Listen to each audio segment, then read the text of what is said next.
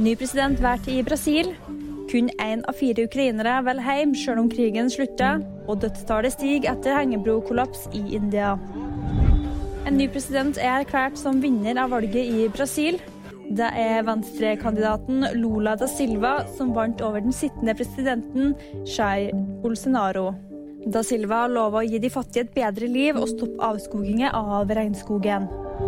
Kun én av fire ukrainere er vel hjem, sjøl om krigen slutter.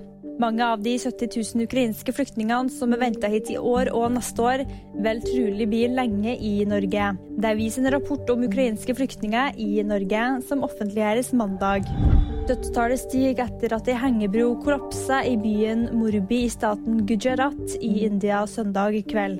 Tallet på omkomne har nå steget til 120 døde, ifølge politiet i byen. Antallet kommer trolig til å stige ettersom leteaksjonen fortsetter. Det forteller politisjefen til AFP. VG-nyheter fikk du av meg, Ane Mørk.